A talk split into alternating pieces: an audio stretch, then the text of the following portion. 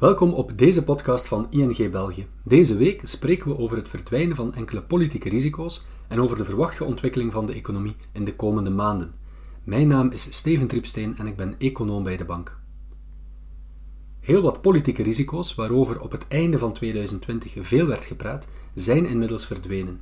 Neem nu de Brexit, de zogenaamde no-deal Brexit, waar er geen akkoord zou zijn tussen het Verenigd Koninkrijk en de Europese Unie over de handelsrelatie.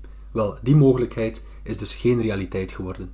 Er is een akkoord, het is een complex akkoord met vele regels voor vele verschillende sectoren.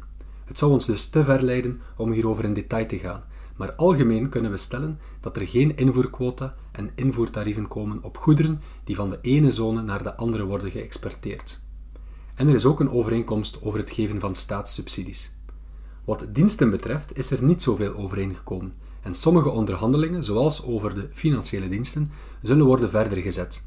De Brexit is dus nog niet helemaal voorbij, maar de grootste risico's zijn toch afgewend. In de VS waren er ook een aantal zaken die we met argusogen volgden. De goedkeuring van het nieuwe stimulusplan bijvoorbeeld. Die is uiteindelijk goedgekeurd en het plan is goed voor 900 miljard dollar. En er bestaat nu ook zekerheid dat Joe Biden de 46e president wordt van de Verenigde Staten. Het is bovendien ook duidelijk dat de Amerikaanse Senaat nu ook onder controle is van de Democraten.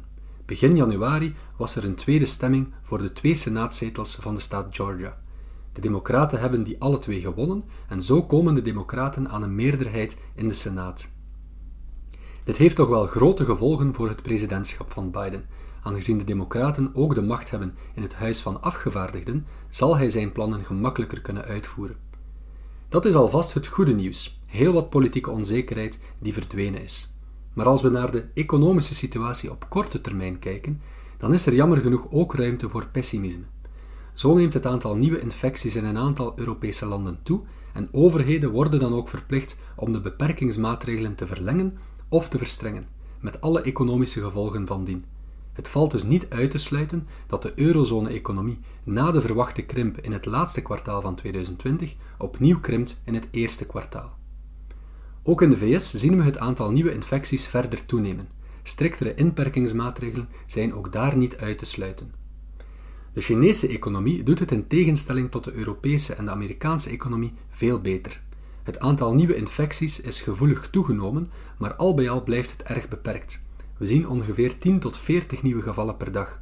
Voor een land met ongeveer 1,4 miljard inwoners is dat verwaarloosbaar. Eén minpuntje voor de Chinese economie is de zwakkere activiteit in het Westen, die een negatieve impact heeft op de Chinese export. Op korte termijn ziet het er dus niet zo rooskleurig uit voor Europa en de VS, maar we verwachten toch dat de consumptie een boost zal krijgen vanaf het tweede kwartaal. En vanaf de tweede jaarhelft zal er in Europa ook een boost zijn van de publieke investeringen onder impuls van het Europese Herstelfonds.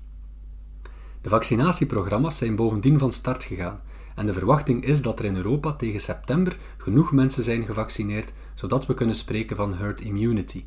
In de VS verwachten we dat het iets sneller zal bereikt worden. Op dat moment voorzien we ook een opvering van de economische activiteit.